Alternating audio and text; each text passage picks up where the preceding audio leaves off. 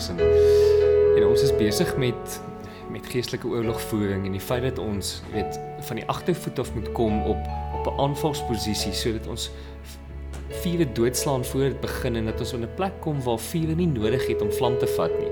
Eerder as om die heeltyd um vuur dood te maak en te wag dat daar goed gebeur en in dit jy weet in dit uit te sorteer.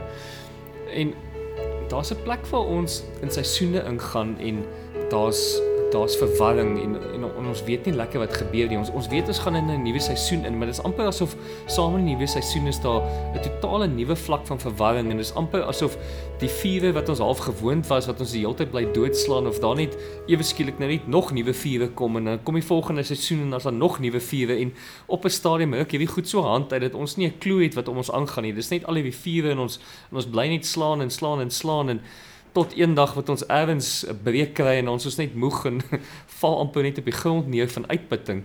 Um en dis mos nie nodig nie. Ek meen dit is mos nie die Christelike lewe wat ons veronderstel is om te lewe nie. Ek meen hoekom gebeur hierdie goed? Wat wat maak dit dat ons in hierdie ampere plek van hand uitdruk inkom? Môre almal. Dankie Piet. Ek dink dit is 'n uh, so 'n goeie vraag.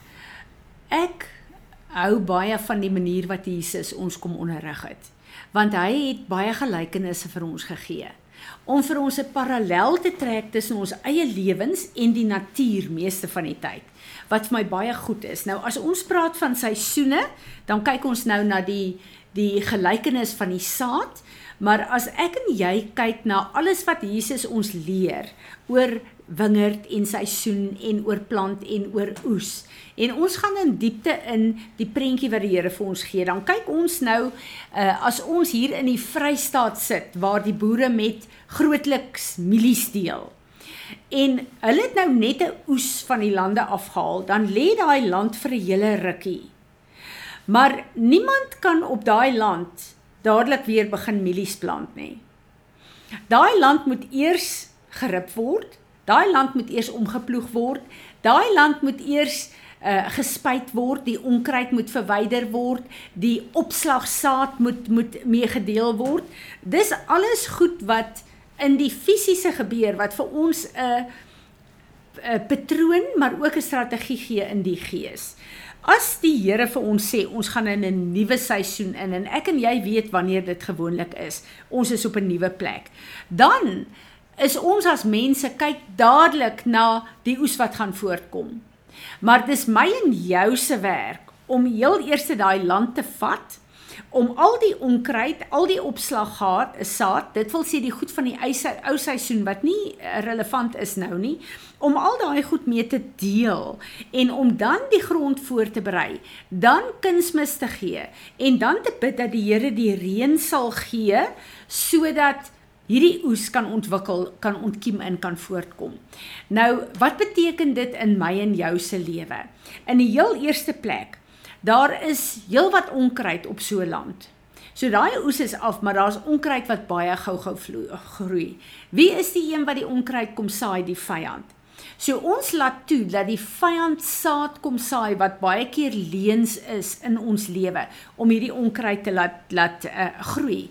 Een van die sade wat hy uh, saai gewoonlik is wanneer ek en jy uit 'n vrugbare seisoen uitkom, dan sit of ons 'n bietjie wil terugsit vir al ons verhouding met die Here. Ons is nie so ernstig nie.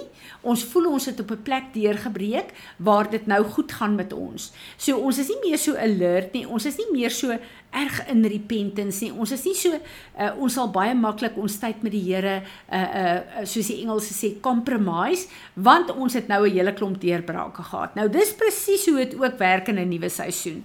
'n Nuwe seisoen beteken dat ek en jy moet op hierdie plek deel met offense. Al die ou offense wat ons het, goed van mense wat ons te nagekom het, goed van mense wat oor ons negatief gepraat het, ons gekritiseer het, ons gejudge het.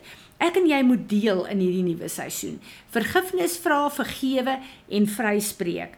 Waar ons 'n uh, 'n uh, teleurstelling ervaar het. Teleurstelling is net 'n ander manier van offense. As ek teleurgesteld is omdat ek 'n verwagting in die Here gehad het, maar die Here het my nie geantwoord in die tyd wat ek wil of op die manier wat ek wil nie. Ek moet deel met daai teleurstelling want dit is offens tussen my en die Here. So ek moet daarmee deel, ek moet vergifnis vra. Ek moet daai hele ding release en ek moet my weer posisioneer op 'n nuwe plek vir dit wat die Here moet laat land in my hart. Ek moet kyk na 'n uh, hartheid van hart. Die my hart is die grond waarin hierdie saad geplant moet word in die nuwe seisoen. As ek 'n hartheid van hart het, as ek te hard op myself is in die eerste plek, en ek dryf myself om goed te doen en ek is ongenaakbaar in myself. So ek het 'n uh, eh, uh, eh, gewoonlik is dit goed wat 'n mens op 'n plek bring waar jy 'n um, 'n uh, 'n performance moet hê om tevrede met jouself te voel. So jy het sekere uh, standaarde wat jy vir jouself daarstel en jy dryf jouself. Dis 'n hardheid van hart. Wanneer ek 'n uh, onvergewensgesindheid het of op 'n plek is waar krities teenoor ander mense is. Dis 'n hardheid van hart. Waar ek op 'n plek is waar my oë en my hart toe is vir mense se nood rondom my. Dis 'n hardheid van hart. As ek op 'n plek is waar ek nie in die woord van die Here is nie. Dis arrogansie en trots en 'n staat maak op jouself. Dis 'n hardheid van hart. So ek kom en ek neem die woord van die Here, ek humble myself daaronder en ek breek daai harde grond van my hart oop. Deur repentance, deur die woord van die Here in my hart te plant en nie net in my kop te hou nie, sodat die regte saad in hierdie grond in kan wees. So wanneer ek kyk na 'n nuwe seisoen, dan kyk jy nie net na dit wat jy verwag wat gaan deurbreek, jou sukses, jou deurbrake, jou vrugbaarheid nie. As jou grond nie reg is nie, dan gaan daar onkruid wees, daar gaan harde grond wees, so dit kan kom reën, maar daai water gaan wegloop. Dit gaan nie indring in jou hart in nie. So wanneer die Here kom en hy kom uh, gee vir ons geestelike reën, dan sal jy byvoorbeeld in 'n wonderlike worship bediening staan en al die mense sal deur die week word deur die teenwoordigheid van die Here. En in daai plek sal dinge in hulle lewe gebeur maar jy gaan niks ervaar nie want jou hart se grond is so hard dat die water net wegloop die heeltyd. Dit kan nie uh penetreer nie. En dis hierdie goed Piet wat vir ons 'n uh, verwarring bring dat jy voel maar jy is op 'n plek waar al die mense geseën word behalwe jy maar jou hart en jou grond is nie reg vir die seisoen waarin jy is nie. So wanneer ons praat van 'n nuwe seisoen, na ons al hierdie opgewondenheid het, kom jy en jy onderwerp jou aan die salwing van die Here en jy deel met die verkeerde onkruid, jy deel met offense in jou hart met onvergewensgesindheid. Jy breek die harde grond en jou hardheid van hart breek jy af en jy laat toe dat jou hart omgeploeg word sodat God se reën kan penetreer en sodat die saad wat in jou hart geplant is vir hierdie nuwe seisoen kan ontkiem en kan begin groei. En dan bly jy op 'n plek waar jy in die kunsmis bly wat die woord van God is wat jy moet voed wat daai saad van jou nuwe seisoen kos kan gee en dit volwasse kan maak tot jy op die plek is waar daar 'n 'n oes gaan kom wat nie net jou uh lewe gaan seën nie, maar ook die naam van die Here gaan verteem gaan verheerlik. So Piet, bid vir ons op hierdie plek asseblief dat die Here ons sal help en sal wys wat 'n onkruid is in ons lewe, wat ons moet doen om hierdie grond weer reg te kry. OK. Ja, Heilige Gees, ek wil vir u vra om aan die begin van elke seisoen van ons lewens, Here, aan die begin van elke nuwe seisoen, elke nuwe plan, elke nuwe uh projek, elke nuwe ding wat ons wat ons aanpak en waar U ons invat. Jy weet dit dat U ons eers in 'n plek van voorbereiding sal invat. Dat ons daai plek van voorbereiding sal verstaan. Dat U vir ons die aksielys sal opstel op 'n praktiese vlak wat ons eers die voorbereiding moet doen en die en die en die goed moet uitsorteer wat uitgesorteer moet word. Jy weet dit dat ons 'n tipe van 'n geestelike budget sal opstel en daai budget sal deurwerk en die kosteberaming sal doen en en, en die prys sal betaal vir wat nodig is vir daai nuwe seisoen Here.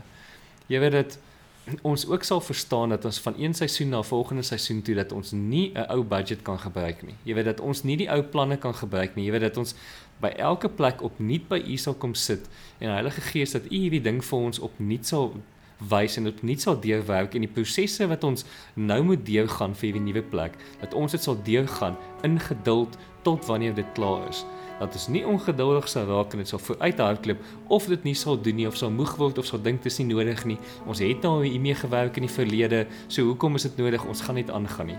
Jy weet dat U daai arrogansie het ons uit sal vat en dat ons sal weet dat ons by U voete moet gaan sit in hierdie beplanningsfase en hierdie voorbereidingsfase tot wanneer dit klaar is, dat ons dan die volgende na die volgende fase kan loop van daai seisoen soos wat U dit vir ons wys en soos wat die tyd aanbreek met. Jy weet dit is nie oorhaastig sal raak nie en dat ons dit ordentlik sal doen die eerste keer en dat ons nie sal nodig hê om dit halfhartig te doen en later weer terug te kom om dit weer oor te doen, Here. Here help ons dat ons nie nodig het om elke keer om dieselfde berg te gaan nie, maar dat ons een keer sal omgaan, sal klaarmaak en dan in U plan sal inloop sodat U wil hê ons moet ingaan, Here. Help ons om by daai plek uit te kom. Dankie, Here. Amen.